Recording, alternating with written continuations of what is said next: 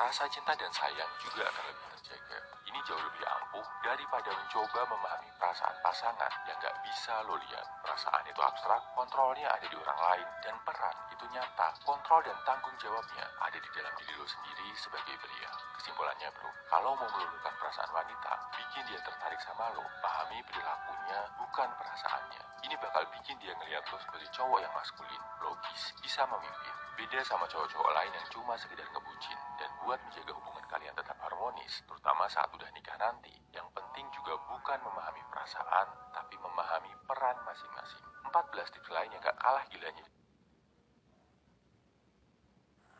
Kata-kata tadi berasal dari channel Pria itu persen. Saya belajar tentang PDKT, tapi masih belum menemukan jawaban.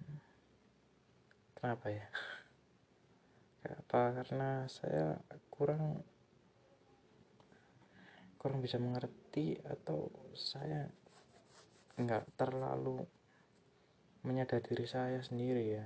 Saya cuma menyalahkan orang lain